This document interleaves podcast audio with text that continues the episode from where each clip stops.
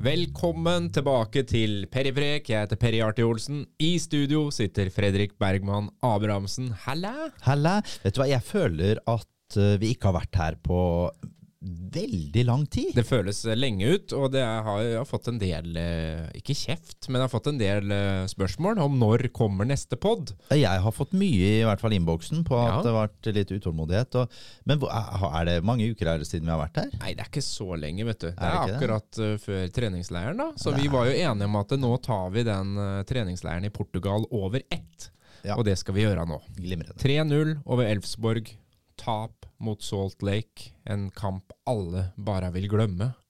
Bortsett fra Michael Thomassen, tydeligvis. Selvsagt. Og så en helt vidunderlig, knallsterk seier over Midtjylland, som jo bare betyr at FFK er Skandinavias aller beste lag. Og hadde vi slått Salt Lake City, så Eller Salt Lake City, heter de vel ikke. Hadde vi slått Salt Lake, og de hadde slått Messi, da hadde det vært prek i byen om at Ja, nå er vi bedre enn Messi. Helt enig. Ja. Vi tar kampene litt sånn kjapt. Du har jo laga en uh, spillebørs for hele turneringa. Uh, ja, Ja, er rett og slett. Ja. Uh, vi starter med 3-0 over Elfsborg. Eh, skal vi ta den kampen bare veldig kort? Vi kan snakke oss litt gjennom den kampen. Eh, vi møter jo det laget som kom på annenplass i Allsvenskan i fjor. Jeg eh, satt og håpa før kampen på et uavgjort resultat, som jeg hadde vært meget godt fornøyd med. Eh, det, ja, det Fredrikstad gjør der nede, er veldig, veldig godt. Altså, vi er veldig gode i alle ledd, og det er flere spillere som ja, det markerer seg fra første spilleminutt til, eh, til siste. Og det er Jeg syns den kampen er ganske bunnsolid. En meget, meget godt gjennomført eh, kamp av Fredrikstad. Det, det er moro at Brandur får seg to goller, og det er selvfølgelig kjempegøy at uh, Mai Traoré får seg sitt første mål i Freistad-drakt. Hva, hva, hva vil du si liksom funka i den kampen? Hva er det som gjør at uh, det, det blir så klaff, da? Ja, vi klarer å stå veldig høyt i press, som jeg tror overrasker Elfsborg ganske mye, egentlig. Eh, Elfsborg klarer egentlig aldri å få satt eh, linja si i forsvaret godt nok. Og du ser vi stresser jo midtforsvaret helt enormt veldig, veldig mange ganger. Som gjør at de klarer ikke overhodet å klare å få spilt seg ut bakfra. Du så også det at eh, det er, vi klarte å fylle på såpass bra i, i boks med våre indreløpere at da kom vi stort sett i overtall hver gang. Og når du har en så mobil spiss som det Mai Traoré er, og henter han ballen kanskje litt lavt i banen innimellom, som gjør at vi kunne kanskje skapt enda mer hvis han lå enda litt høyere. Men det er, eh, nei, det er veldig, veldig det er veldig bra, og defensivt så syns jeg også vi står, eh, vi står til gull. Altså. Og så ser du jo også det at vi må bare trekke fram uh, Maxwell Oleds i den matchen. For han eh, Hvis han er så god som han var der mot et allsvenskan lag, hvis han er så god i norsk eliteserie, da blir han solgt til sommeren, dere. For uh, det der var, helt, det var en helt enorm prestasjon. Det må jeg bare si. Og så har du selvfølgelig det, nå er det ikke for å eh, ta lurven av noe her, men vi ser vel det nesten alle treningskampene som har vært til nå, mot norske mot svenske lag, Eliteserien mot Allsvenskan, så vinner Eliteserien. Det er ganske stor forskjell nå på norsk eliteserie og svenske allsvenskan. Det er stor, stor forskjell. Det er mye høyere kvalitet i Norge nå enn det er i Sverige. Og det, det ser vi egentlig på nest, nesten alle resultatene som har vært. Jeg vet ikke om allsvenskan har fått med seg én seier. Jeg tror det er bare, det er bare seire til norske lag. Og skårer også ganske mye mål. Du ser jo også Sarpsborg 08, da, selv om vi ikke skal snakke så mye om dem. De slo Hammarby 5-4. Slo AIK 2-0. Et grusomt AIK-lag, forresten. Så under Henning Bergs ledelse, og med Thomas Berntsen som sportssjef. Så ja, det er Men det, men det skjer ting. Og Det- det- vi- skjer ting, Vi, skal og- ta en liten oppsummering av overganger òg. ja. Og, og der òg syns jeg på en måte nå vi ser at der, um, Eliteserien er litt gjev å komme tilbake til. Det er helt tydelig. Ja, og det, jeg tror det, det er flere ting som man må huske på der. Det er at hvis du skal sammenligne de to ligaene, så er det nå sånn at norsk eliteserie har et ganske mye høyere tempo enn svenske allsvenskan. Ganske stor forskjell på tempo der. Og det, det tror jeg er, gjør veldig utslag i sånne enkeltkamper, eh, liga mot liga, på en måte. Men vi kommer nok også til å få se det på det du er inne på nå, med overgangsmarked, og der kanskje allsvenskene har klart å være mer attraktiv for eh, internasjonale spillere før. Det tror jeg har snudd. Yes. 3-0 over Elfsborg, altså. Fantastisk uh, start på treningsleiren. Ja, det er, det er veldig, veldig bra. Og så synes, skal og vi- der er jo også, vi må jo også si det, da. For den, vi har jo hatt den der venstrebekkplassen, og der er det jo Jeppe Kjær i den kampen her som uh, vikarierer ned på den venstrebekkplassen. Ja, Det hadde jeg vel ikke tippa på, at Jeg- de skulle hadde- bruke han. Nei, jeg hadde ikke det heller. Ikke der. Nei da, men han gjør en helt eh, OK, OK match, han altså. Og det, han er jo også inne i et lag som fungerer helt eh, nesten uten minuser i den matchen. Men eh, så kommer da neste kamp mot Salt Lake. Et lag eh, som man kanskje visste veldig lite om. Og det er også kanskje noe av grunnen til at eh, det går som det går. Jeg vet ikke. Ja, jeg, jeg prøvde liksom å, å se meg litt opp på det lille som går an å se seg opp på, og prøvde å liksom se litt hvem som er brukt i den spillerstallen og sånn, for jeg må ærlig innrømme at jeg, jeg ser jo ikke MLS nå, så, så jeg kjente ikke til, utenom selvfølgelig de åpenbare to-tre spillerne som er stjernene deres. Men, men de starta vel med nesten et andre lag, gjorde de ikke det? Eh, Ja da, men det er krydra med noen, eh, med noen A-lagsspillere eller stjernespillere. Altså. Så, Ja. så det er det. Så det, er- det er ikke helt annet lag, men uh, den er bedre. De kommer ut i andre omgang med et bedre lag enn de starta første omgang med. Uh, den kampen er jo rar. Jeg antar at Fredrikstad ser på den kampen som at det viktigste der er at eh, mest mulig spillere skal få flest mulig minutter i beina. For det er ikke så mye det er ikke så mye annet man kan ta med seg ut av den kampen. Det er ekstremt sjansefattig. Fredrikstad får ikke satt presset sitt. Jeg synes det er følte ikke at det var noen klar plan, på en måte. Eller jeg fikk i hvert fall ikke gjennomført den planen, satt jeg med inntrykk av. Jeg, jeg, det, jeg, syns det det er noen ra... Litt sånn Jeg syns det er noen ting som ikke fungerer, som jeg syns er litt rart. Ut ifra at det har fungert så godt mot Elfsborg. Ja. Og den elveren som uh, Salt Lake starter med, skal ikke være noe bedre, tror jeg, enn den Elfsborg starta med. Og da ja, Jeg, jeg syns det er rart at det er, det er litt mye slurv. Det ser ut som det er litt tunge bein. Jeg syns uh, Brandur er uh, sliter. Han var ekstremt god mot Elfsborg. Svak mot, uh, mot Salt Lake. Litt det samme med Sondre, egentlig. Syns også han slet, er upresist og Nei, det er en del som ikke fungerer. Forsvarsmessig så skaper jo ikke Salt Lake heller noen ting som helst. Altså, det er kanskje to lag som litt Skal vi si de nuller hverandre litt ut. Ja. Uh, og så ja, jeg skulle vel gjerne ønske meg noe mer offensiv initiativ. ikke sant? Vi blir stående litt for lavt med bekkene våre. og ja, nei, ja. Det, det, er, det er ikke en kamp som eh, vi kan ta med oss så veldig mye fra. Jeg ser jo at Thomassen etterpå sier at eh, det er Hva var det han sa? Mye Mye positivt å ta Mye med seg positivt, fra ja. den kampen. Eh, Sier han det da på en måte for å eh, ta litt sånn fokuset vekk eh, og samle Jeg vet ikke. Samle spillergruppa igjen, eller? Ja, jeg, jeg veit ikke heller ja, om det er så. Han ser helt sikkert også en god del positivt, for, for det er det nok òg, hvis du leter, leter godt etter. Og det er, det er jo selvfølgelig positivt at Mats Nilsen får 45 minutter igjen, og det samme for Stian Strei. Og, så de tinga der er jo selvfølgelig gøyale og, og bra å ta med seg. Og så ser vi vel at igjen da, at det er mye OK initiativ bakfra i banen. Forsvarsmessig så prøver vi på å forsere ledd noen ganger, og der kan vi ta med oss noen fine situasjoner. Og så er det mer trått når vi kommer høyere opp i banen, og der er det ikke så mye som fungerer igjen. Ja. Ja. Vi legger den eh, kampen eh, til side. Skal Ja, det, er, det, det? er ikke, det, er så, det er ikke så veldig mye å snakke om, egentlig, den, den kampen der. Det er, ikke, det er ikke den kampen vi kommer til å se i reprise fire ganger i løpet av sesongen. Absolutt ikke. Men så kommer da kampen mot uh, Midtjylland, da. Og her er vi jo vi, vi har jo et godt utgangspunkt, for det er på en måte ingen som forventer så veldig mye av FFK.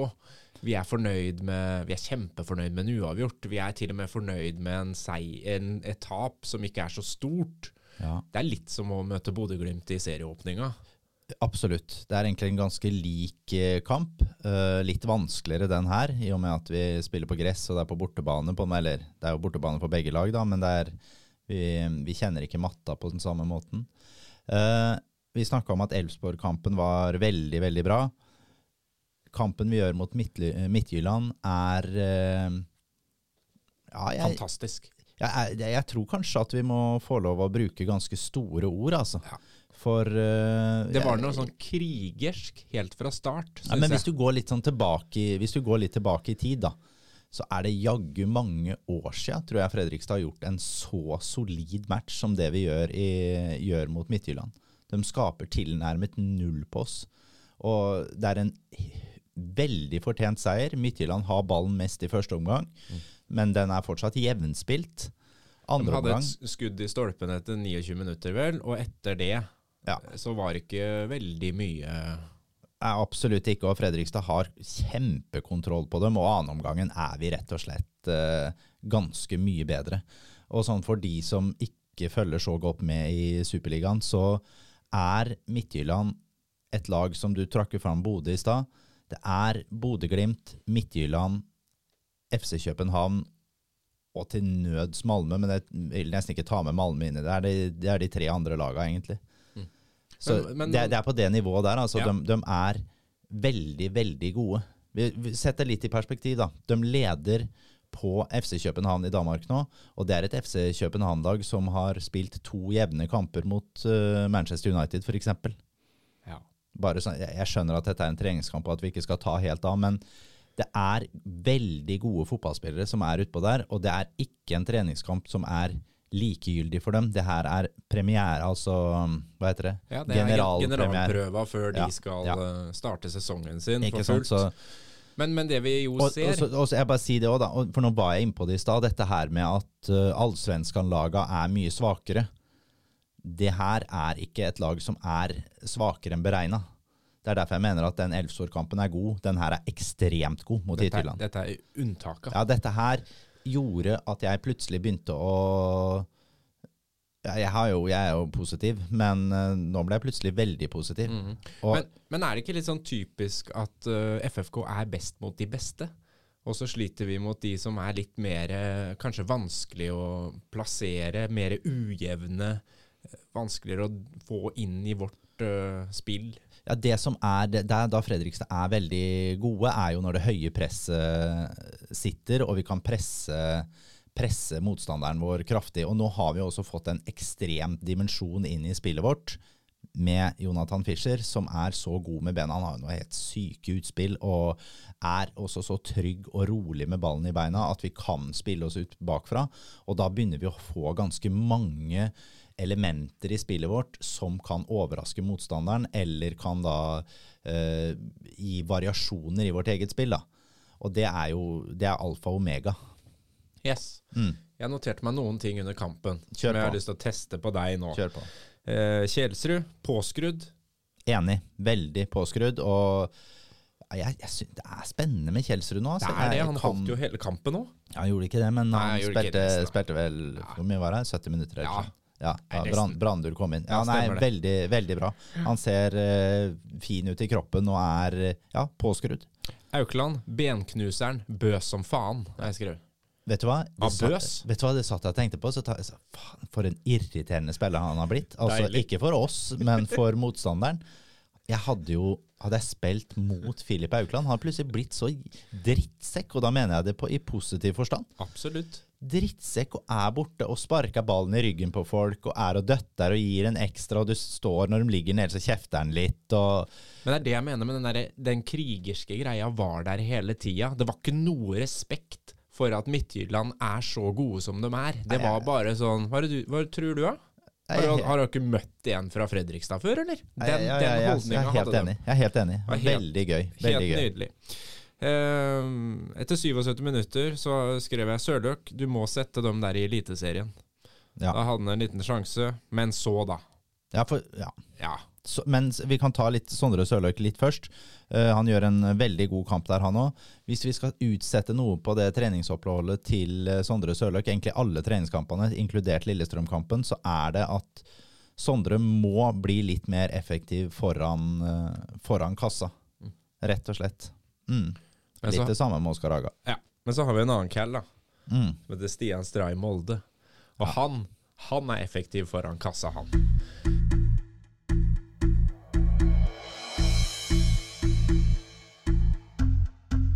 Stian Stray. Stian Stray. Stian Stray. Stian Stray. Kommer bakifra og Stian Stray, rei, rei, danske faen kan ikke stoppe. MFK.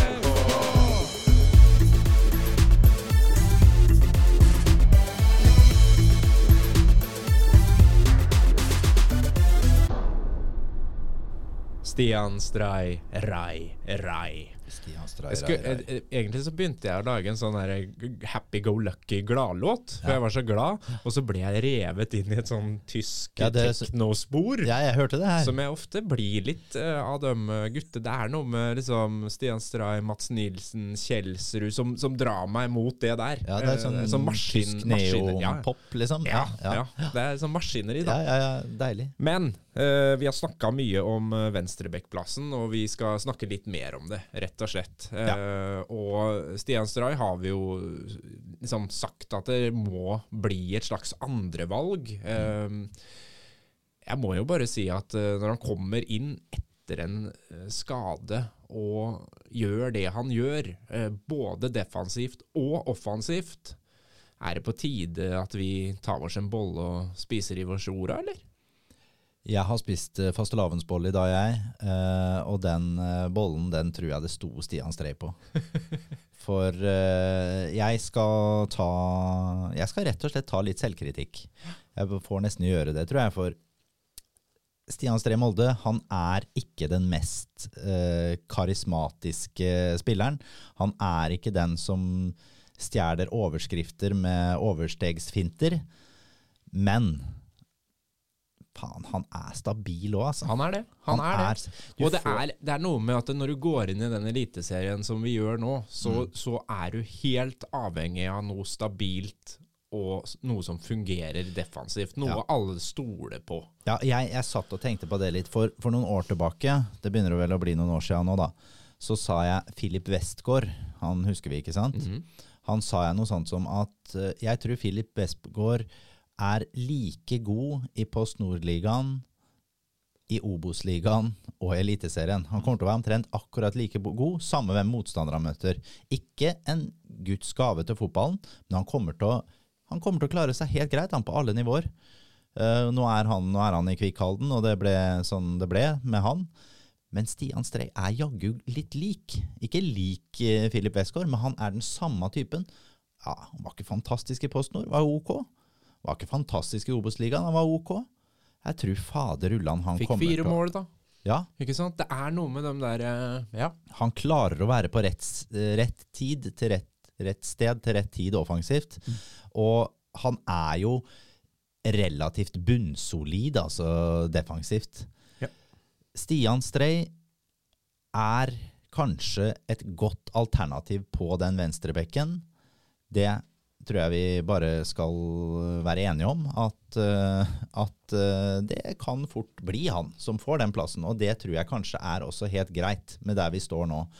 Uh, han imponerte meg stort. Vi må huske på han har vært skada, eller da operert, da, og vært ute nå i litt over to måneder.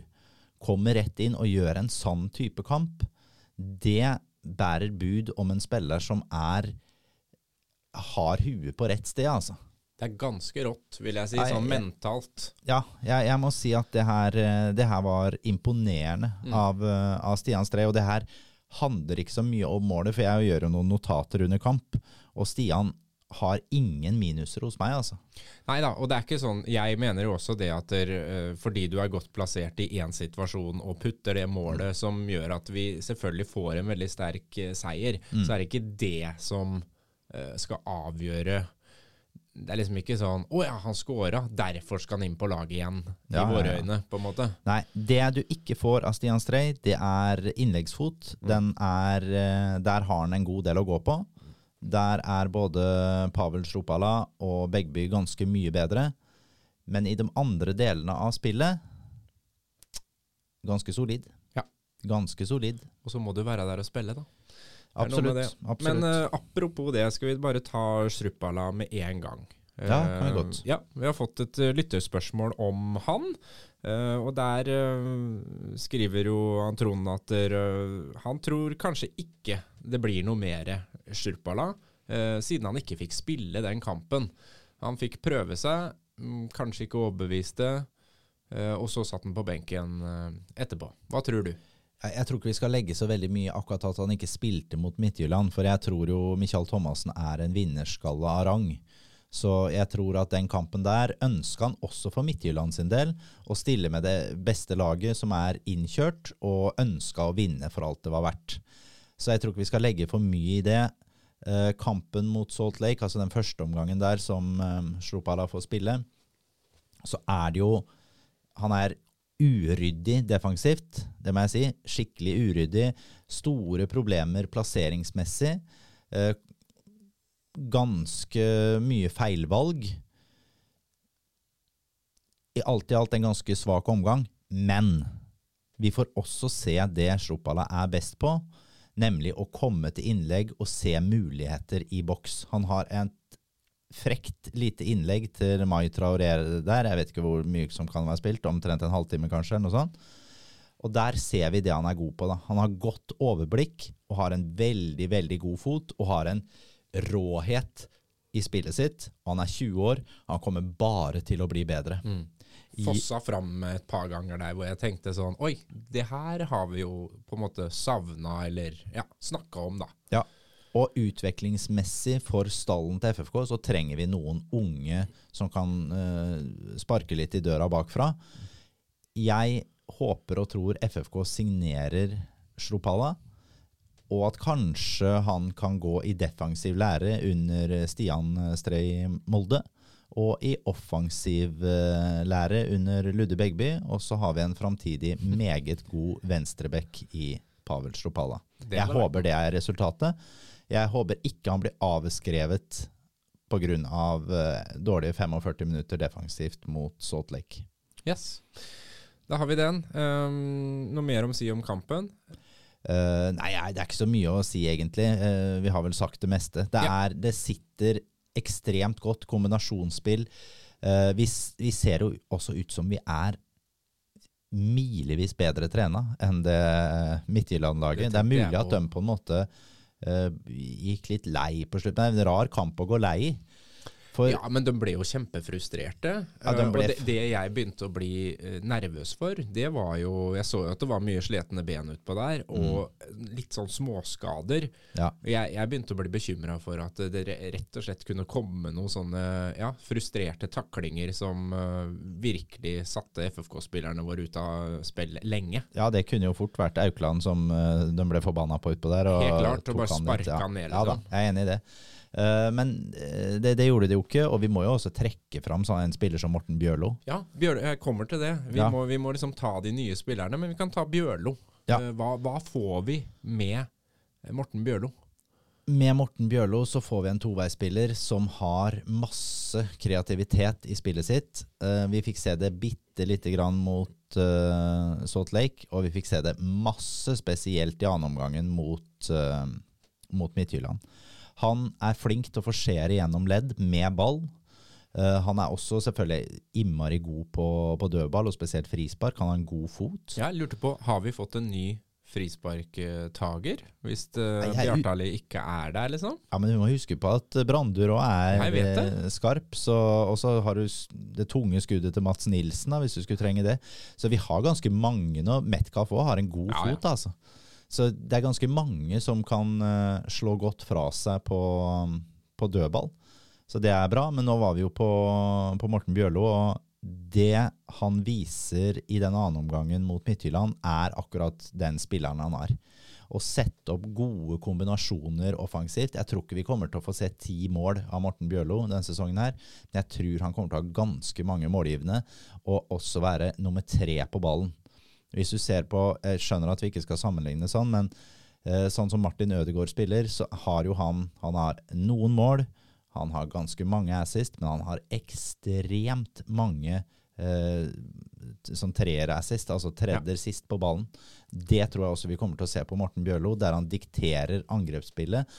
Har taktpinnen med seg. Nå har vi ikke sant, vi har Magnusson som ligger bak og kan styre spillet. Og så kan Bjørlo ha med seg taktpinnen framover og styre eh, de offensive løpa fra bekkene, og da løpe fra den andre indreløperen opp mot uh, angriperne våre. Men vi har, sett, vi har sett ekstremt uh, lite an, da. Men uh, jeg noterte meg Ja, men vi har, sett, vi, Ja, men vi har jo sett lite an i Fredrikstad. Ja da, ja da. Men herre min, vi har jo sett Morten Bjørlo. Det er som jeg sa, jeg, jeg elska jo Morten Bjørlo når han spilte i eh, Egersund. Mm. Så han, han er jo en spiller som har ligget og vaka der. Jeg har egentlig venta på han lenge, at han skulle få liksom et gjennombrudd, for det er så mye fotball inn. Moro. og Vi traff jo 100% òg. Vi snakka jo om eh, Bjørlo for eh, lenge siden. Ja, vi gjorde det. I starten av januar. Ja. Men litt svak defensiv. Det, er, det var liksom min uh, lille sånn eh, Du må jo finne Altså, balansen i den treeren på midten, da, Ja. er jo interessant. Hvis du skal både ha han og Bjartali. Nå jobber jo Bjartali opp og ned hele tida, da. ja. Men, men eh, det, det vil jo kreve litt uh, ja det, det spørs jo hvem du skal bruke i den andre indreløperen, ikke sant? ja. Og det er jo Ja, nå, nå blir det jo Sondre og, og Bjørlo, og da, da blir det ganske offensivt, syns jeg. Altså. det er det jeg mener. Ja, jeg er helt enig Og med blir det ikke det samme med Jeppe Kjær, på en måte? Er også, også offensivt? jo, også offensivt Ja. der, så, så derfor så er Brandur er vel kanskje noe mer stabiliserende. Ja, men han er jo ikke han, Jeg syns ikke Brandur er på en måte defensivt på på samme måte.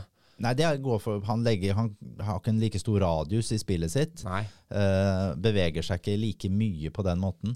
Så vi har fått ganske mange offensive midtbanespillere der, og kanskje det er det, det Thomassen ønsker, da. Mm. Å ha det der når, når kanskje ikke vingbekkene skal stå så høyt, og Magnusson ligger som et ordentlig som en eh, Hva heter det? Som en propp Ja.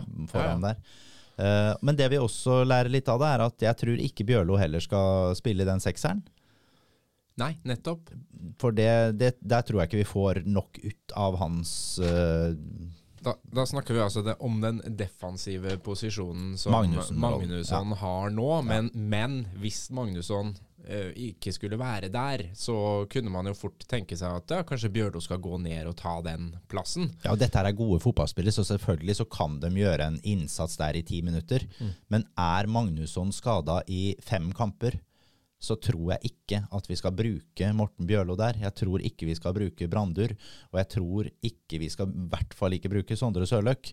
Og Jeppe Kjær kan ikke spille der. Nei. Og så da er det jo Vi prøvde Metcalf skal spille på høyrebekken. Ja, det tenker jeg, liksom. Og, Ja. og for, så Der blir det jo Simen igjen, da, men det er jo en annen diskusjon. sånn. Ja.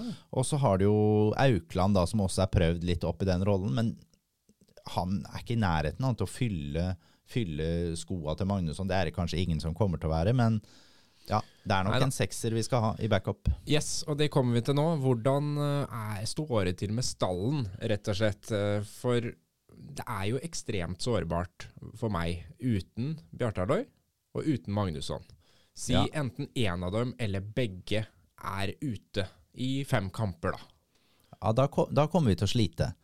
Og, og Bjartali er jo Han er jo ekstremt viktig for laget med at han er en sånn Han har nesten fri rolle som angriper i det laget. Etter at Mai Traoré kom inn, så er vi litt mindre avhengig av Johannes Bjartali. Det må vi bare si. Litt mindre avhengig. Men nå hadde vi jo begge de to ute, og det gikk jo bra det òg, mot Midtjylland, så vi viser jo her at vi har en god stall. Jeg tror det er mulig å gå kamper uten Johannes Bjartali, og gå kamper uten Magnusson, sånn som stallen er satt sammen nå, tror jeg blir veldig vanskelig. Ja, altså Vi har jo egentlig beviset på at det gikk, at det gikk uten Bjartaløy nå. Ja da. Ikke sant? Ja. Men, eh, men du tror en, en sekser er kanskje hovedprioriteringa nå, som skal inn? Det, det, noe annet ville vært kjemperart. Ja, ja. ja. Men det kan vi jo komme litt tilbake til, hva som eh, markedet er.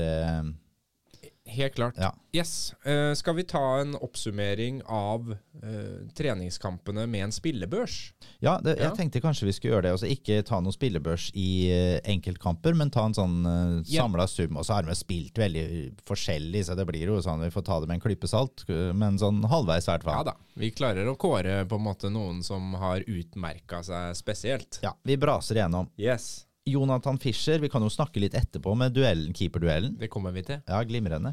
Uh, Jonathan Fischer, han uh, er jo Han er jo rett og slett helt rå.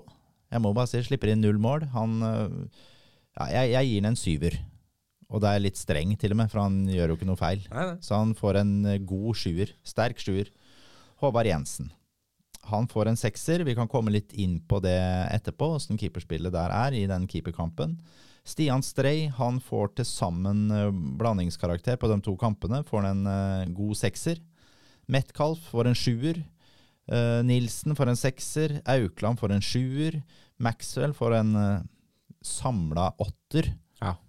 Og den er ganske sterk. Ja. For han, uh, Han er god. han er god og var god mot Midtjylland òg. Han har noen hjerneblødninger innimellom, Mm. og det, det må han rett og slett slutte med, for det er ganske nærme at uh, vi kan få mål imot på den. Så han må få opp konsentrasjonsnivået enkelte ganger litt høyere. Men måten han forserer framover i banen med ball, det er, uh, ja, det er ganske rått å se på, altså. Sigurd Kvile får også en syver. Jeg lurer nå på om dette her blir vanskelig for Mats Nilsen. Jeg tror kanskje Mats Nilsen blir fjerdevalg på stoppeplass, sånn som jeg ser det nå. Det er vanskelig for å se for meg at man kan sette ut Sigurd Kvile fra den sentrale rollen, nettopp pga. at han har så mye fart, og har, han er så god med ball. Han er dårligere som førsteforsvarer i forhold til Mats Nilsen, men han har veldig mye fotball i seg. Altså, se en Sigurd Kvile i form, han tror jeg Thomassen kommer til å spille med. Slett. Samtidig så er jo kampprogramma så tette, så den derre altså tredje og fjerde De vil jo ligge nesten og ha, spille annenhver kamp. Jeg, Jeg tror altså. at vi kommer til å ha fem stoppere i år, jeg som kommer til å ha ganske mye spilletid ja, uansett. jeg så jeg tror, ikke det, jeg tror ikke det blir noe sånn at du å, føler deg satt ut av laget på, på en måte. Mm. Uh, skal vi se, Brage Skaret gjør to sånn OK inntredener for en femmer. Bjørkstrøm var jo med mot eh, Salt Lake der. Det, ja, nå syns jeg det, det var mye rart og ukonsentrert feilpasninger. Han får en treer. Eh, Oskar Jansson, det er mye av det samme. Jeg syns ikke dessverre at eh, nivået er der. Det er holde på å skåre sjølmål, og det er, det er mye småfeil, altså. Så mm, Han fikk en treer, sa jeg det? Nei. kanskje. Nei, han får en treer, han òg. Hermansen, han syns jeg, jeg synes det er mye spennende, Imre. Ut fra, Hvis vi tenker på at han er eh, Han er vel ikke fylt 18 ennå, eller 18 er han kanskje nå. Eh, jeg syns han kan få en femmer ja, for sin innsats. Magnusson er jo den typiske syverspilleren, og det får han her nede òg. Han markerer seg, og vi glemmer jo litt at han er der, men hvis du går og kikker litt på kampene i reprise og ser hva faktisk han gjør, det er bunnsolid, altså. Ja, Det. Var kaptein, da. Eh, Det er jo også liksom en greie. Han leda jo laget Jeg tror du kan få bind i året. Jo, jeg, jeg vet ikke helt. Ja, jo, jeg tror han får vinne Ja. det tror jeg han gjør. Eh, Brandur, ekstremt god mot Elfsborg. Svært svak mot uh, Salt Lake. Rart. Og så får han den siste par og 20 minuttene der mot Midtjylland. Der er han god igjen. Ja. Så samla sett en syver på Brandur. Elias Solberg fikk jo litt spilletid, så han får, får, får litt poeng han òg. Så han Ja. får en sekser. Sondre Sørløk varierer ganske mye, men har jo veldig mye gøyale offensive initiativ. Eh, går, eh, går seg litt bort noen ganger og trenger vel innimellom å få litt bedre overblikk for spillet. For da, da har han noen muligheter der som ikke blir utnytta med offensive løp, altså innimellom. Eh, men han får en sterk sekser. Jeppe Kjær syns også han Det blir jo litt sånn Han var jo i begravelse i Danmark til siste kamp, så da er han ikke der. Men han får en jeg Skal han få en femmer, da. Samme. Uh, Bjartali blir jo skada, er vel en type Gilmers groin-skade han har, altså en lyskeskade. Mm. Det er jo det samme som Stian Strøy i Molde har hatt. Det blir, vi får vel noe svar kanskje i morgen eller på tirsdag om eh, det kreves noe inngrep der, eller om man kan spille med det bare som et lite ubehag, sånn ting er nå. Uh, vi fikk jo ikke sett så mye da av Bjartali der nede. Han får en sekser. Jeg håper at uh, man ikke trenger å gjøre noe inngrep på Johannes. Ja, fy fader. Ja, det har vært innmari tråkig. Kjelsrud, han kommer, vi snakka om ham i stad, ser ut som en ny spiller. Han er påskrudd, han er røff. Jeg skulle ønske han kunne fått seg et mål, bare sånn for å liksom få litt sjøltillit foran kassa. Han får en sekser. Mai Traoré, her har vi fått en spiller jeg er helt sikker på at vi kommer til å få masse glede ut av. Fikk skuldra ut av ledd i kampen mot eh, Salt Lake der. Jeg tror, hva jeg hører, at det ikke er ekstremt alvorlig, og at dette kommer til å gå bra. Så Mai er tilbake om en liten stund, og han får en sjuer samla sett. Oskar Aga han eh, kjemper og jobber. må sette noen av sjansene, spesielt den han har mot Salt Lake City der. Den skal, eh, den skal i kassa. Og er også litt sånn Det er et par andre situasjoner som jeg tenkte åh, vær litt råere Det er boks der. Det er noe nøling der Ja. som jeg er litt eh, jeg, jeg stiller meg på usikker på Ja. Aga. Ja, jeg òg er litt der. Han ligger og vipper mellom femmeren og sekseren. Jeg er så glad så jeg gir ham en sekser. Ja da, Eh. Men nå som vi har eh, så eh, spennende indreløpere, så ville jeg jo vurdert å på en måte dytte Bjartaløy et hakk opp, da. Ja, ja, det, det kommer Bjart. Jeg tenker at det er Det blir sånn som ting ser ut nå, så tror jeg det er Bjartali og Mai Traoré som er det foretrukne spissparet, og Oskar Aga og Kjellemann i, i I backup. backup. Jeg tror det. Mm. Og det går også på at jeg tror Kjell er nok tiltenkt en rolle som nettopp det vi har snakka om, en impact-spiller. Og det, det tror jeg Fredrikstad kan tjene godt på. Det tror jeg Henrik lever godt med òg. Helt klart. Før vi eh, går videre på keeperkampen, så Ja. tenkte jeg vi skulle ta litt vin, Ja. Å, deilig. Ja. Nå har det vært mye fotballprek. Ja. Den har stått og lufta litt og kosa seg. Du har kanskje fått eh, sniffa litt på den allerede, eller? Jeg, jeg holdt i glasset i stad, for jeg glemte at vi skulle snakke på den etterpå. Kremisan. En kremisan. Balladi. Balladi. Ja, og nå skal vi jo Skal vi se. Det er en 13% Det er en 13 Mm. Skal ikke være mye politikk i Periprek, men eh, jeg kjøper vin fra Palestina. Ja, si det, det, var sånn. det, det var det jeg så her nå. Det er en palestinsk vin, ja. Det er eh, den eneste palestinske vina du får kjøpt på polet. Um, men smak på den. Ja, Smak på den. Ja. Lukter ganske frisk. Den er drikkende, dette her. Jeg syns han er veldig god, ja. Det er jo en veldig sånn uh, krydra vin. Det er en sånn vin du skal drikke nå med en gang. Jeg liksom sjekka ut er, Kan lagres? Nei. Den, Nei. den skal drikkes i løpet av året. Ja, og det er, Jeg er litt usikker på hva man skulle spist til den. Ja, der uh, strides de lærde. Ok. Det går fra and og sopp og sånne ting til uh, lam. Ok. Ja. Ja, det, det er utgangspunktet litt rart for meg sånn når øh, vi smaker. Mm. Men nå er jo jeg ytterst glad i and.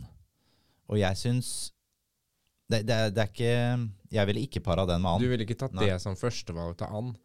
Men hvis du Den er jo ganske sånn krydra, så det kan hende at hvis du på en måte beveger deg litt mer mot sånn midtøstensk lam, da. eh, En lammegryte eller litt sånn Ja, og så kunne jo selvfølgelig, hvis du, snakker, hvis du ikke snakker fransk and Altså du snakker øh, det, er det, sånn det er det jeg mener. Hvis du er mer nå på liksom sånn, øh, sånn pulled duck-varianter, eller en asiatisk variant, Ja. da, da tror jeg vi snakker på en helt annen måte. Ja. Og så er det var det enten Polet eller Merete Bø som sa at den er også veldig god til ost. Ja, det kan jeg også skjønne. Ja. Det kan jeg også skjønne. Da får du en, eh, en frisk krydra vin eh, med en eh, litt sånn god ost og, og litt syltetøy til, så tror jeg det kan bli ille bra, jeg. Produsert i Betlehem av italienske munker. Yes. Herre min.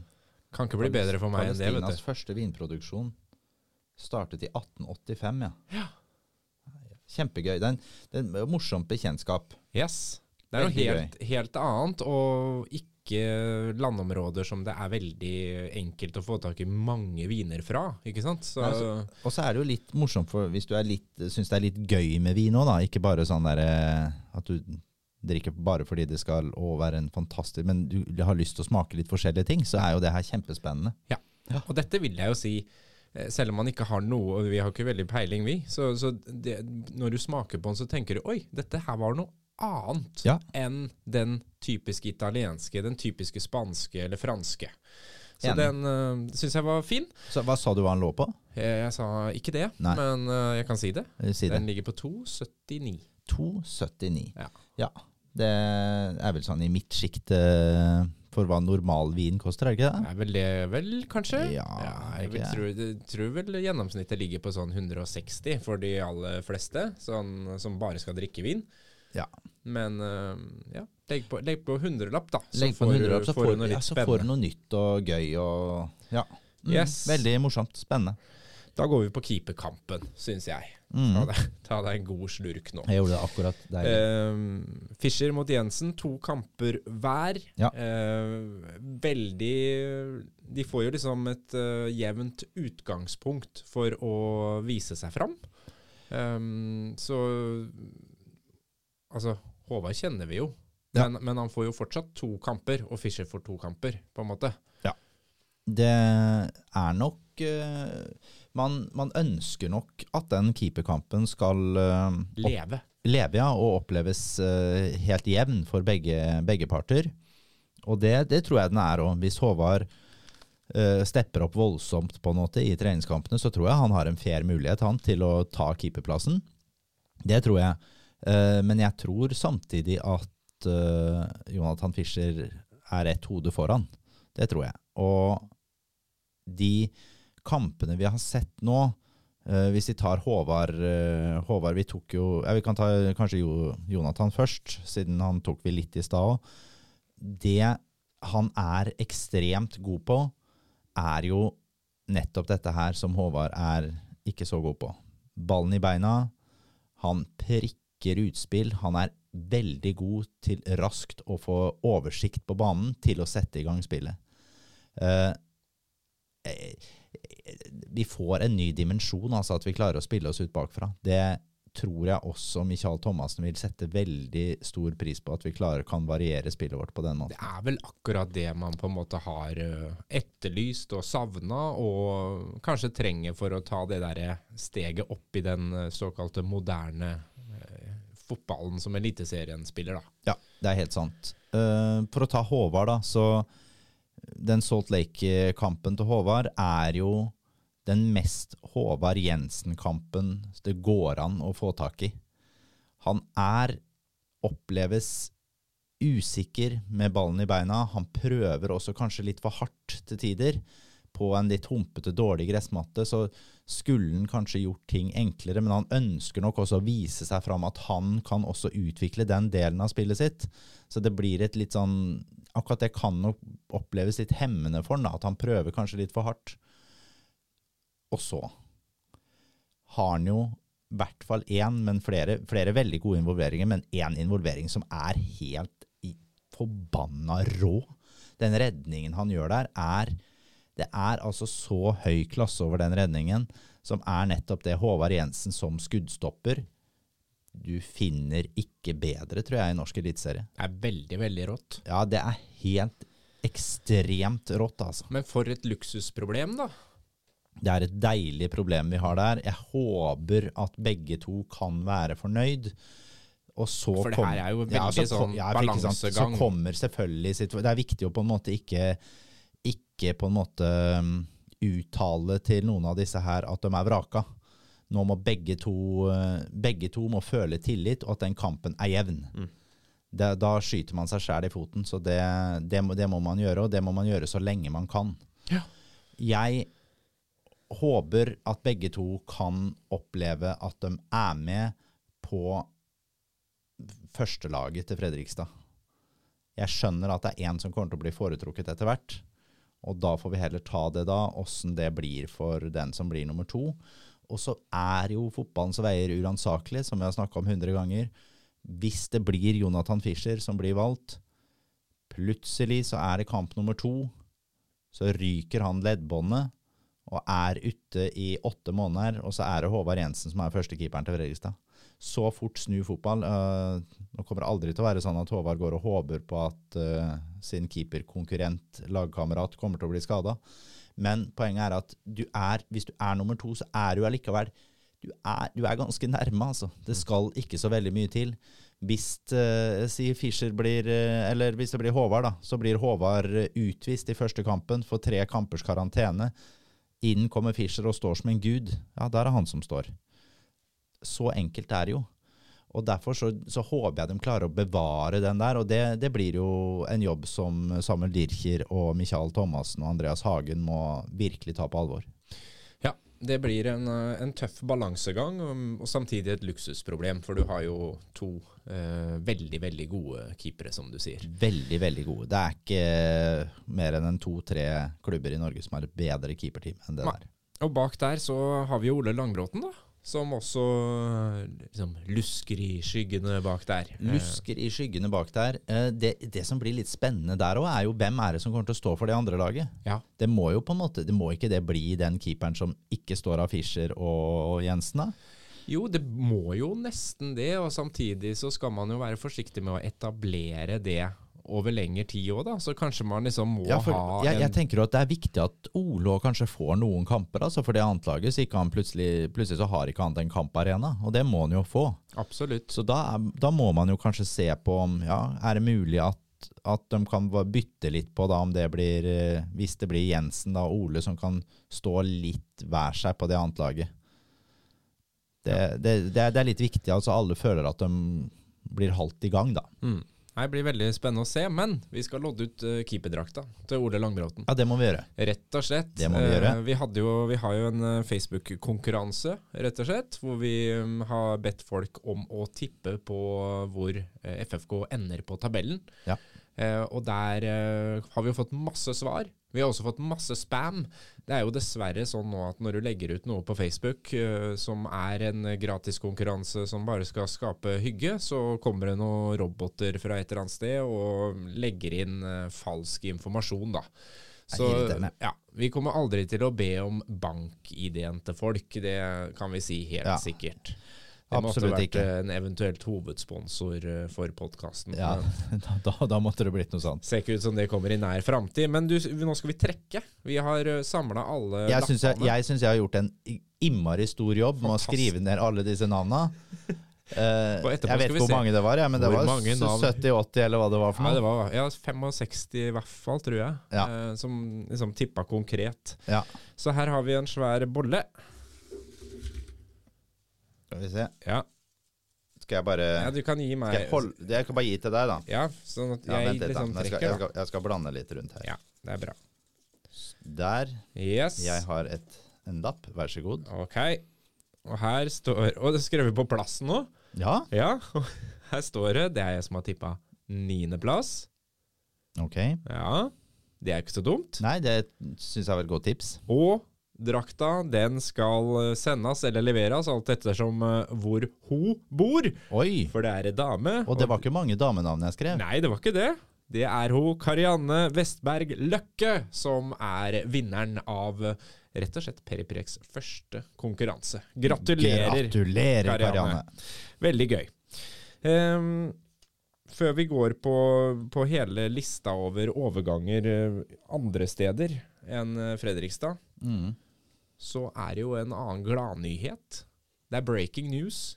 Det blir livepod med Peri Periprek. Faen, det blir livepod, altså. Det Det, blir rett og slett det. ja, det, blir, det tror jeg blir altså så sinnssykt gøy. Det blir kjempegøy. Ja. Eh, det er jo da Fredrikstad fotballklubb som skal ha et eh, supportermøte.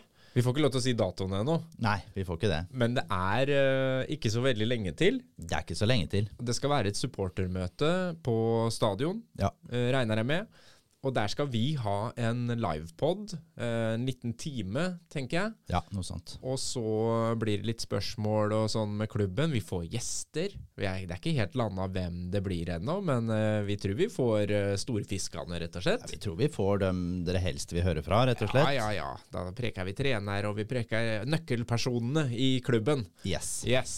Og så en liten overraskelse etter det, kanskje? Ja, det blir overraskelse etter, etter det, og det Ja. blir servering, og vi kan ha det litt eh, hyggelig sammen, tror jeg, utover, eh, utover noen timer der. Ja, rett og slett eh, Ja. preke litt. Preke litt, og da da er jo viktig at uh, det er viktig at folk kommer. Jeg håper at, uh, jeg håper at det er alle deler av supportermiljøet kan ta del i en sånn kveld. Ja. At det, det er ikke sånn samme om du tilhører Plankehaugen eller hva heter det, delegasjonen eller eh, Kort ja. eller langsida, som jeg sier. Ja, ikke sant, for, ikke sant, Få med også de der som sitter på, sitter på de sidene der som ikke tilhører noen gruppering. ikke sant? Vi må få inn Kjell Mensen. Ja, ja. Han må komme på en sånn ting som det der. Geir Winther må, må vi ha inn. Vi må ha inn gutta fra Selbakk Rør. Ja, ja. Paul Eriksen skal være med, tenker jeg. T- Trond Delebekk. Ikke sant? Han skal, høre om vi vil være med på vinsmaking. Ja, det må jeg nesten høre om. Camilla Eidsvoll vil jeg se der. Mora mi vil jeg se der. Marius Hoff Pettersen. Fredrik Vattum. Geir Bakken, selvfølgelig. Det er liksom en, Ja.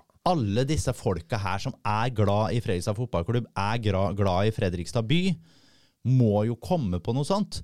Og vi skal nå ha det litt hyggelig sammen. Rett og slett. Det må faen meg være fokuset. Nå skal vi ha det litt hyggelig sammen, og så skal vi samle oss før en ny, god, deilig sesong med nydelig rødhvit ball. Da må vi preke litt om andre klubber òg, for det skjer jo veldig mye. Eh, Thomas, altså det kommer til å skje mer i Fredrikstad òg. Thomassen eh, nevnte jo i et intervju med Fredrikstad Blad-podden at eh, gjerne tre spillere til inn. Ja, Kanskje, jeg, kanskje en i hvert ledd. Plutselig en, eh, en defensiv, ja, jeg og i er hvert fall en sekser. Ja, vet du hva jeg tror, hvis jeg skal tippe Skal jeg tippe helt sånn hva som skjer før vi begynner å snakke navn, ja. så tror jeg at ikke vi kommer til å hente noen angriper, altså ikke noen spiss. Det tror jeg ikke vi gjør. Men jeg tror, eller jeg er helt sikker på, vi henter en sekser, en backup for Magnusson. Og jeg tipper at vi henter eh, At vi signerer kontrakt med Pavel Stropalla. Mhm. Og jeg tror at vi henter en midtstopper. Ja. Det høres jo kanskje ganske sjukt ut når vi har snakka om at Mats Nilsen kanskje ikke kommer til å plasse på laget. Uh, og det går ikke på at vi trenger en stopper som skal gå rett inn på laget nødvendigvis i, i stallen. Men jeg tror Team Bjørkstrøm er ferdig, og det har noe med ute- utenlandskvota å gjøre, som vi har snakka så mye om. Og så tror jeg dessverre at ikke Oskar Kjøge Jansson er god nok for å spille i Eliteserien. Skal være så ærlig. Jeg tror ikke han har nivået inne. Mm. Og Og, da er hvis det stemmer, så er det jo plutselig eh, den plassen det er litt tynt på. Ja, for da, da er det fem. Da har man fem stoppere, og så er det tre plasser. Og det høres Ja, ja, men det, det holder vel egentlig, det. Men så vet vi det at Filip Aukland, han er skadeutsatt, vært masse skada. Sigurd Kvile, han har vært mer skada enn han har vært spilleklar de siste, eller egentlig hele seniorkarrieren sin. Mats Nilsen har også hatt noen småskader å slite med. Og så har vi Maxwell, da, som vi ikke vet så mye om akkurat skadehistorikk. Jeg har ikke hørt noe om noen store ting på han, og heller ikke Brage Skaret. Men med fem stoppere der, og to av dem som er veldig skadeutsatt Tenk om begge de to blir skada samtidig. Da har vi bare tre stoppere. Jeg vet at Stian Strei kan vikariere der inne, han. Men kanskje det er en stopper også vi skal hente. Kanskje vi skal hente en, en til på den plassen der. Det, er, det er mulig.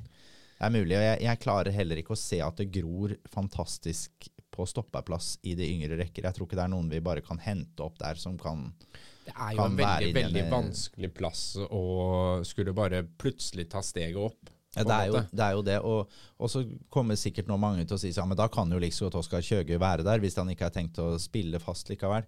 Ja, men vi må også huske på det at Oskar er nå to, han blir 22 år nå. Han er i en alder hvor han bør få spille for å ha riktig utvikling. Han er, jeg tror ikke det er heldig for han å egentlig ikke være aktuell for spill i det hele tatt. Jeg tror kanskje at til og med Stian Strei kommer til å bli kjørt inn før han som stopper. Og da hadde det vært en idé om han kanskje fant seg en Post Nord-klubb, eller hvis han hadde klart en Obos-klubb, hadde det vært fantastisk. Men jeg, jeg tror det hadde vært lurt for han, og da tror jeg det har vært lurt for Fredrikstad å ha en, en sikkert kort til der. Yes. Mm. Vil du gå på noe navn der, eller skal vi ta overganger på andre klubber? Vi kan godt ta, ta Fredrikstad først, hva, liksom, hva jeg tenker Ja, om for da kan alle dem som ikke orker andre klubber, skru av etterpå. Da kan de skru av etterpå, det er helt sant det. uh, men vi kan begynne på den der stopperplassen, for det er uh, Igjen, vi har kun mulighet til å hente norske spillere sånn utenlandskvotemessig. For hvis Bjørkstrøm forsvinner, da er vi akkurat Mm. det vi skal ha. Og hvis vi skal ha inn en ny utlending, da må vi da er det på en måte spillere som Jeppe Kjær, Patrick Metcalf og de Brandur som på en måte står i fare for å ikke være med, og det, det tror jeg rett og slett ikke er aktuelt for klubben. Så det er norske spillere vi må se etter, og så skal de helst ikke koste så mye. Eh, Jeg kan gi ett ett navn hvis vi skal hente noe på stoppeplass, og det er rett og slett uh, Erik Sandberg. Vi har snakka litt om han før. Kompisen til Erling Braut Haaland, ikke sant. Spilte i Jerv i fjor. Ja. De datt ned fra Obos-ligaen. Er, er det et Lillestrøm-produkt, egentlig? Han er 24 år gammel, har erfaring nå både fra Eliteserie, Obos-ligaen. har et litt sånn kult snitt i spillet sitt. Han har ikke noe klubb for øyeblikket. Han er uten kontrakt, vil ikke koste klubben noe penger. Jeg tror at han kunne vært en fin spiller å ha inn som et femte-sjette valg på stoppeplassen. Hvis, og da, nå, nå er det ikke sant at jeg har saumfart alle klubber nedover, men uh, jeg, jeg, tror det kunne vært et uh, OK alternativ som ikke nødvendigvis måtte kosta ekstreme summer. Good. Og så har vi den der eh, midtbaneplassen igjen. Da, og da, Nå har vi jo snakka i det uendelige om sekserplassen, for nå har vi jo henta indreløper. Uh, Etsa Sosein har vi snakka masse om. Mm. Han kan spille sekser, er også best som indreløper, han. Uh, Fredrik Krokstad en Var jo var, Svirra veldig mye Hussein-rykter en kort periode, og så ble det litt stille igjen. Jeg, jeg fikk ganske mange i innboksen min om at han uh, Nå er det bare timer unna at han blir presentert. Kommer til å dukke opp i Portugal. Ja, så ja. Det, men, det, men, det, gjorde han jo ikke. Det gjorde han jo ikke, og det, nå har jeg ikke hørt noe på lenge, så det kan hende den ligger død. Uh, men det, det, får vi bare vente og se på. Fredrik Krokstad det er en annen en. ikke sant? Ja. Den tidligere Lillestrøm-spilleren. Uh, spilte i Stabæk de to siste åra. Har heller ikke kontrakt med noen klubb. Trener av alle klubber med Vålerenga nå. Det er jo Han sto jo på torget i Lillestrøm og sang uh, 'Hater Vålerenga'-sanger. uh, så det er vel en karakterbrist i seg sjæl at han trener med Vålerenga nå, men, men, sånn er det nå. Men det er en spiller med masse erfaring, men er jo også selvfølgelig best som indreløper. Og vet heller ikke om han egentlig kan spille sekser, men han har heller ikke kontrakt, så det er kanskje verdt å nevne. En annen som ikke har kontrakt, da er vi på Marius Lundemo. Han spilte jo forrige kamp for Lillestrøm, som han var for i fjor, men har ikke signert noen ny kontrakt for dem. Han er 29 år har utenlandsopphold. Han har jo veldig mye av det vi ser etter, utenom at han har en veldig eh, liten radius og bevegelighet i spillet sitt. Og som 29-åring og kommer til å kreve litt penger, så tror jeg kanskje ikke det er veien å gå. Men jeg ønska bare å vise litt hva som er på gratis, eh, mm. Ellers har jeg snakka før om uh, Wayeba Sakur. Han kan spille sekseren og kan spille indreløper. Er omtrent like god, tror jeg, begge roller. Han er gratis, er uh, et godt alternativ etter at han ikke er med i Start mer. Og så, da skal jeg ha tre spillere som jeg tror kunne vært mer aktuelle, men alle har klubb, så de må rett og slett kjøpes ut. Så dette er mer på ønskelista? Det er mer på ønskelista. Jeg skjønner. Og da skal vi gå til 21-åringen Kostadinov på Stabæk. Ekstremt talent. Tror han vil koste for mye penger men hadde jo vært glimrende som understudy til, til Magnusson der. Og gitt han litt spilletid innimellom. Han kommer til å bli en strålende fotballspiller. Men der er jeg rett og slett sånn at jeg har ikke satt meg ordentlig inn i hva det ville kosta. For det ville sikkert blitt kjempedyrt. Men det er, et, det er et ønske. Det er kanskje det høyeste som hadde vært mulig å få til, også sånn aldersmessig, og det å kunne være, som jeg sier, sånn understudy-spiller. Men jeg har to understudier til, og det er eh, Torje Naustdal i Skeid. Han er vel nå Hvor gammel kan han være? Det skrev jeg ikke ned. Jeg tror han er et par og 20-23 år eller sånn. Han hadde jo et mislykka opphold i Haugesund da han prøvde seg i Eliteserien. Er tilbake i, i, i nå Post Nord, da. Han tror jeg det kunne vært mulig å få til. Han er 23. Han er 23, ja. Mm. Uh, der det hadde vært en sånn type spiller som jeg tror hadde vært lur, for jeg tror han hadde vært uh, innforstått med at han har vært andrevalg bak Magnusson hvis han fikk spille, fikk noen minutter innimellom. ikke sant? Mm. Så er han en som kan utvikles til en glimrende sekser. Ellers så skal jeg banne litt i kjerka og nevne en Mosse-spiller. Og det er uh, Aksel Baram på Tor. Altså den beste spilleren utenom Claudio Braga som Moss hadde i fjor. Nå er jo Claudio Braga forresten også solgt til Ålesund. Men, ja. Men på Tor er Han er jo tyrkisk U21-landslagsspiller har hørt at Moss har avslått et bud fra en klubb på e, ca. 1 million. Så vi er i det sjiktet her at da må vi bla opp litt for å få en sånn spiller. Men han har også et stort, stort utviklingspotensial, og er jo på en måte eh, han, han jo, bor jo ikke så langt unna da, i, i området sånn sett. Er det et Koffa-produkt? Det tror jeg nemlig det er. Ja, det er det. Det er et Koffa-produkt var veldig, veldig god i fjor. Jeg så også to U21-landskamper som han spilte for Tyrkia, og det er en spiller som Ja, han kan bli god. rett og slett. Så det hadde også vært et glimrende sånn understudy navn å ta inn. Vil også bli dyr. Den billigste av dem, Torjun Austdal. Det går også litt på alder. Han er da 23, litt eldre. Hadde vært, eh, det hadde vært lurt. Det blir spennende å se hva Fredrikstad gjør i den, eh, i den sekserrollen. Ille bra. Da er det plutselig den vi preker om, ikke så mye venstrebekken. Men nå går vi Ja, til det, men ja. det, ja, vi kan jo si det òg, da. Venstrebekken tenker jeg, hvis FFK ønsker å ha inn mer på venstrebekken der, så er det Pavel Strupala. Hvis vi skal ha en det er det aller beste alternativet nå. Ja, vi, for da har du på en måte den som igjen da kan være på en måte det offensive alternativet til Stian Stree Molde, hvis man ikke har noe troa på Ludde Begby. Og da, eller nå sa jeg det veldig blunt, det var ikke meninga, men eh, hvis de ønsker en ut, veldig utviklingsbar spiller da, som er yngre, så er Slupalla måten eh, man bør kanskje gå fram der. Og hvis man vil ha en helt ny en, så, så vil jo det nødvendigvis da koste mer penger, og kanskje vi da skal gå for eh, de vi har. Nå skal jeg gjøre noe som jeg ikke trodde jeg skulle gjøre noen gang. Og det er nemlig å gi helt uforbeholden skryt til Sarpsborg 08 mm. og signeringa av Stefan Johansen. Ja. Jeg syns bare det er en helt fantastisk eh, god signering. Jeg husker vi snakka om han i høst. Jeg kasta ut han som et navn. Hva, hva med en sånn type spiller? Og da gikk vel liksom diskusjon på at ja, ja, det hadde vært moro det, men det kommer jo aldri til å skje. Han er jo ikke klar for det nå, liksom. Og når skal han tilbake i Eliteserien? ja, han er bekrefta klar nå for et par timer siden Yes. til, eh, til Sarpsborg. Det er jo en fantastisk jobb de har gjort der, da. Det, er, det er fantastisk. Det er eh, spennende, la meg si det sånn, å høre om hva han har fått i lønn i Sarpsborg. Ja, Uh, og så blir det spennende å se hvilket nivå han holder. Utgangspunktet tidligere landslagskaptein til Norge, 55 landskamper, Premier League-proff, vært ekstremt god når han spilte i Celtic i Skottland.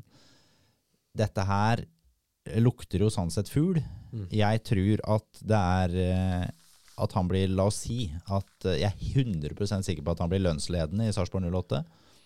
Uh, jeg snakka med noen som er litt tett på Bodø-Glimt. Uh, hvorfor ikke de signerte han? Eh, de signerte den rett og slett av den grunn at han vurderte den ikke som god nok for den, eh, for den Bodø-stallen på nåværende tidspunkt. Det er jo, han er jo en spiller på 33, så ja. Du, Ja. Det er jo ikke en spiller du kommer til å ha i lang tid. Nei da. Samtidig så er det vel få på midtsjiktet og nedover som hadde sagt nei til han hvis de hadde hatt råd til han. Ja, det, det vil jeg tro. Jeg syns dette her, som du sier, jeg syns det er en det er en gøyal signering sånn for publikum Ja, ja. og for interessen. Du selger noe sesongkort nå på Stefan Johansen. Du får jo det som du har preka om, den derre profilen med erfaringa, den som folk har lyst til å gå Jeg har lyst til å se han spille en kamp. Ja, og jeg, jeg vet ikke om jeg har snakka om det i poden, for jeg snakker jo litt fotball sånn ellers òg. Så Hender det. ja, eh, og det er, jeg har sagt jeg lurer veldig på hvem som blir kaptein i Sarpsborg 08 i år, etter at både Maigård og Utvik er borte. Hvem er det som tar, tar bindet da? Blir det Jo Inge Berge? Spørs om ikke det her blir Stefan Johansen altså, som får bindet rett inn. Det skulle jaggu ikke forundre meg. Det er en lederskikkelse ut av en annen verden. Ja. Men ikke sånn for å strø salt i noe sår her for uh, Sarpsborg 08, men jeg lurer altså på hvor han kommer til å spille. hen. Jeg forhørte meg litt med noen sarpefolk uh, som sier at han er tiltenkt å spille offensivt. Ja, som altså indreløper. Ja, de spiller jo? De spiller jo litt annerledes enn det Fredrikstad gjør. Så De spiller jo da med en tier og så to eh, sittende forsvar, eller eh, midt, sentrale midtbanespillere, der den ene skal være defensiv og den ene offensiv. Så jeg antar at det er den rollen der han Kanskje den offensive der kanskje han skal ha. Og da blir jeg jo litt sånn Ja, forventer man da å få mye målpoeng ut av Stefan Johansen? Hva tenker du om det? Jeg vet ikke. Nei, du vet ikke det, for det er jo sånn at når han spilte i Celtic, da husker jeg tenkte sånn Herre min, for en god offensiv spiller. Og samme, ikke sant, det store deler av Fulham-karrieren sin, og var han god offensivt. Ja ja, og så har han begynt å falle ned, eller så falle bakover. Det er rett og slett sånn at siden på de siste fire sesongene, vel, altså så har han vel spilt eh, Ja, siden han har spilt 80, 85, kanskje 90 kamper. Jeg tror han skåra fire mål jeg, på de 90 kampene. Ja. det er ikke mye Det er ikke så veldig mye mål igjen i den kroppen, men da Samme har som, han ven, samme som venstrebekken vår. på forrige sesong, ja. Ja, ja. Så det er jo, og da har han jo selvfølgelig hatt en mye mer defensiv rolle. Men i det Sarpsborg-laget så har du Jeppe Andersen, og så nå da uh, Aymar Scheer, som også egentlig er best defensiv. Jeg tror ikke han har skåra ett eneste mål ja, i sin seniorkarriere. Og så har du junior, som også er absolutt best eh, defensivt. Nå solgte de jo Martin Høiland, så han er jo på en måte ute av, bildet der. Men de har ganske mange som er defensivt gode i den rollen. Og det er jo der jeg vil egentlig tenke kanskje at Stefan Johansen er best nå. Men han må gjerne motbevise meg og, og få til noe samarbeid igjen med, med Jo Inge Berge. Og så, er Eller gjerne, det trekker jeg tilbake. Jeg vil helst ikke at han skal det, men, Neida, men det eh, men det kan skje. Det blir spennende å se. Ja. Det blir veldig, det er en, det er en uh, gøyal signering, så gratulerer Sarpsborg 08. Det er en ordentlig publikumssignering. Kult. Det er jo på en måte dømmes uh, Etsa Sosein, på en måte. Ja. Det er så samme som det ville gitt vår by med en sånn type signering. Helt klart. Eh, skal vi speeddate de andre sånn veldig kjapt? jeg kan speeddate litt nedover Ja. her. Kjetil Haug. Kjetil Haug går til Glimt. Jeg syns jo det er litt spennende, ut fra at han sa at eh, nå nå, Han spilte jo høstsesongen for Sarpsborg 08 og uttalte at det er uaktuelt å fortsette i norsk eliteserie, og at han nå skal ned og ta opp eh, kampen om keeperplassen i Toulou. Det gikk ikke så lenge. Da var han tilbake i norsk eliteserie, så da var vel heller det at han ikke hadde så innmari lyst til å spille for Sarpsborg, da, tenker jeg. Ja. ja. Pellegrino forsvinner ut. Pellegrino forsvinner til MLS, og det unner jeg han. Jeg syns det blir eh, spennende å se om han klarer å ta det samme nivået i, hos amerikanerne. Vi vet jo at det er ikke det høyeste nivået i MLS. Så hvis eh, Pelle får litt bakrom å løpe i, så køler han vel inn i vinkelen Emil i MLS, hvis jeg kjenner han rett. Kan bli veldig bra av det. Jeg var litt Yes. bekymra for det når de skulle spille mot Salt Lake, faktisk. At eh, amerikanerne fikk øya opp for eh, Maxwell Voledzi. Eh, Ja. For det er klart, eh, det er lett for dem å legge noen kroner der og få en veldig god spiller. Ja, Vi får håpe at han, han var ikke Ja. så imma. Han var best i de to Ja andre. det var bra, det. Men uh, Brekalo forsvant jo endelig også ut. Ja, han fikk grint seg ut. Yes. En forbanna møkkaagent som uh, jeg håper ingen norske klubber noensinne samarbeider med igjen. Og han forsvant også Det var Orlando han gikk Ja, til, var ikke det? da? Jo da. Så Viking fikk en OK pengesum for han. Så jeg tror alle parter må være glad for at det samarbeidet er avslutta, selv om det var Eliteseriens beste midtstopper. Yes, Ilic han uh, dro av gårde, han òg. Spilte vel uh, halvannen kamp før han brakk benet. Ja, det gjorde han. Det må vel sies at uh, kanskje Jokke Jønsson så at det lå, inn, lå i horisonten der et sted, at han skulle brekke beinet òg. Så da må vi vel si at uh, Jokke må få all honnør for å få ut 50 millioner av en spiller han kjøpte for 10 bare fire og en halv måned tidligere. Yes, KBK har vært ute og handla.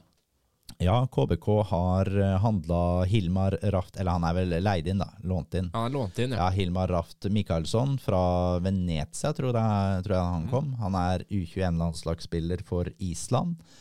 Han hadde vel et utlån på vårsesongen i fjor til Tromsø.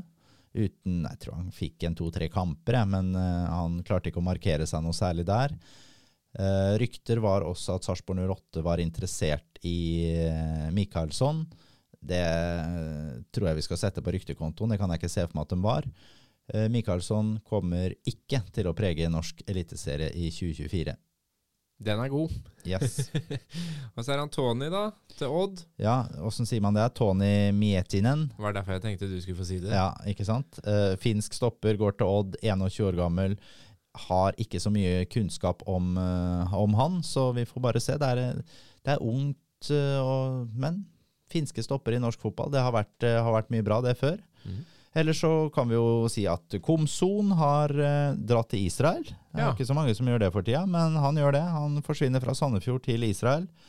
Eh, jeg tenker jo at da Sandefjord må vel ut enda en gang på overgangsmarkedet og prøve å hente en ving til, for det, det har de da manko på i stallen.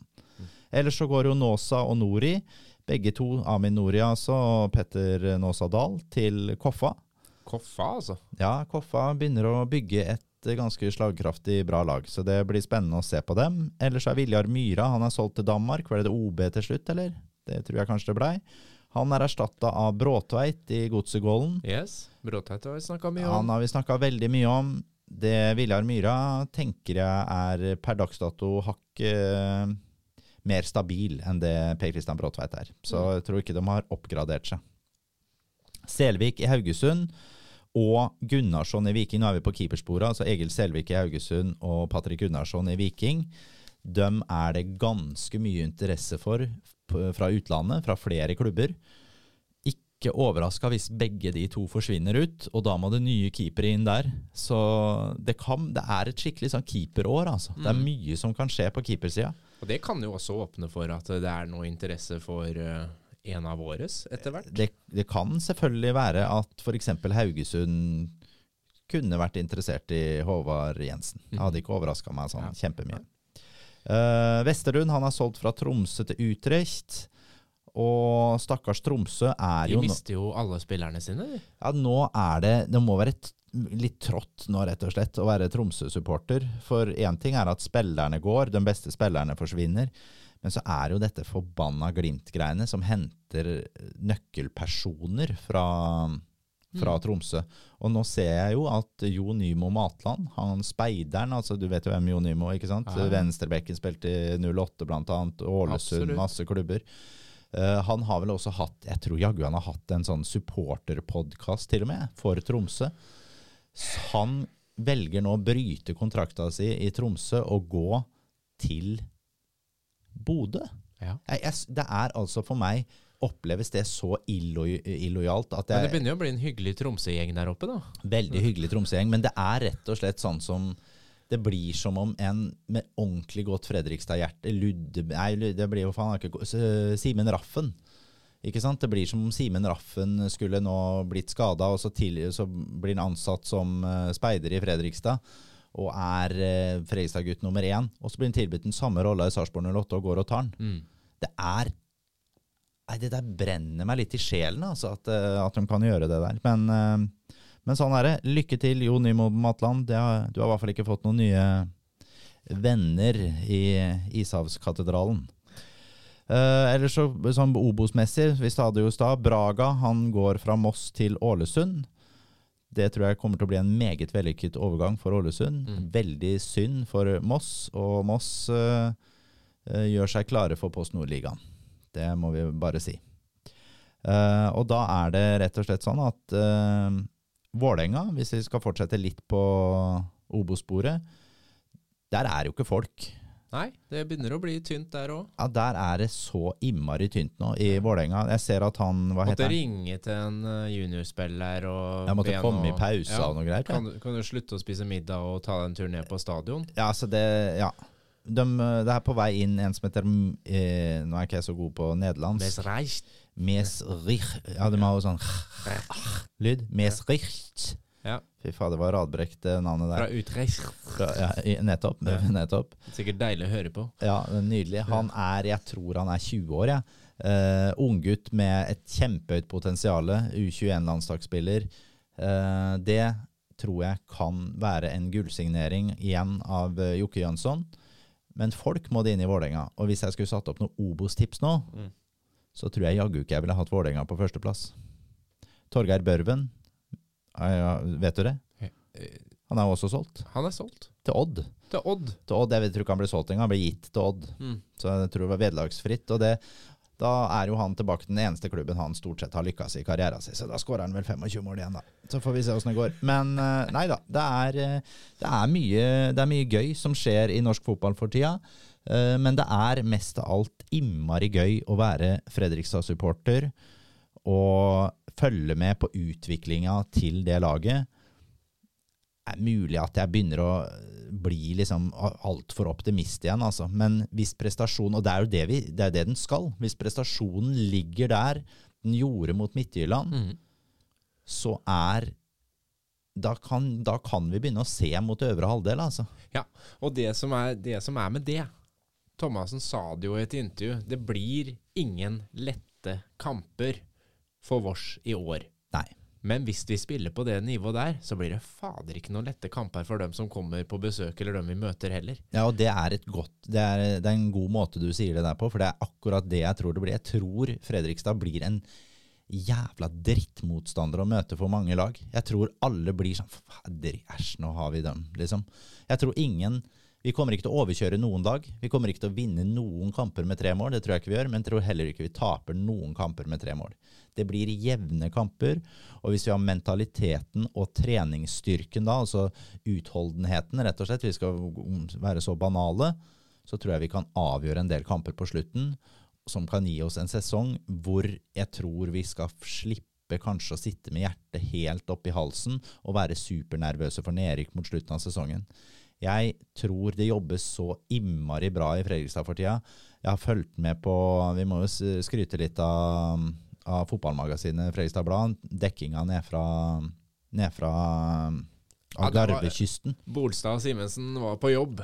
Må bare, ja, jeg, vet du hva, jeg syns et par av de podkastene de hadde der, var kjempebra. Jeg syns det holdt høy kvalitet og var morsomt å høre på. Spesielt den uh, Michael Thomassen-episoden syns jeg er ja, synes jeg er morsomt og gøy å få høre litt sånn ja, han er litt ærlig der, eh, Michael, så det er, eh, det er supert. Og det er gøy å se at det liksom Nå, nå bobler hele Fredrikstad-samfunnet, og det er Altså den menneskelige sida av Thomassen. Man hører jo liksom Ja, ja, om ryktene at ja, han er maskin, han jobber døgnet rundt, han krever alt av alle hele tida, og så hører du liksom den derre litt varme Altså, han er jo Han må jo være en people person i ja, men, tillegg. Ikke sant? Jeg, på det intervjuet der så tenker jeg sånn vært koselig å drikke vin og diskutere fotball, mann. Helle måned, det skal vi Kanskje vi får gjort òg? Det På, må på vi- livepoden. Ja, det må vi håpe på. Neste treningskamp, det er mot uh, Vålerenga. Ja, det er jo nettopp Vålerenga som vi snakka om. Kanskje. Vålerenga har klart å få på plass noen spillere til den kampen. Hadde vært gøy for dem, da. Ja, eller kanskje de ringer noen i pausa og spør om de skal være med. Ja, Kanskje de ringer noen Fredrikstad-spillere som ikke får spille. Fredag 16.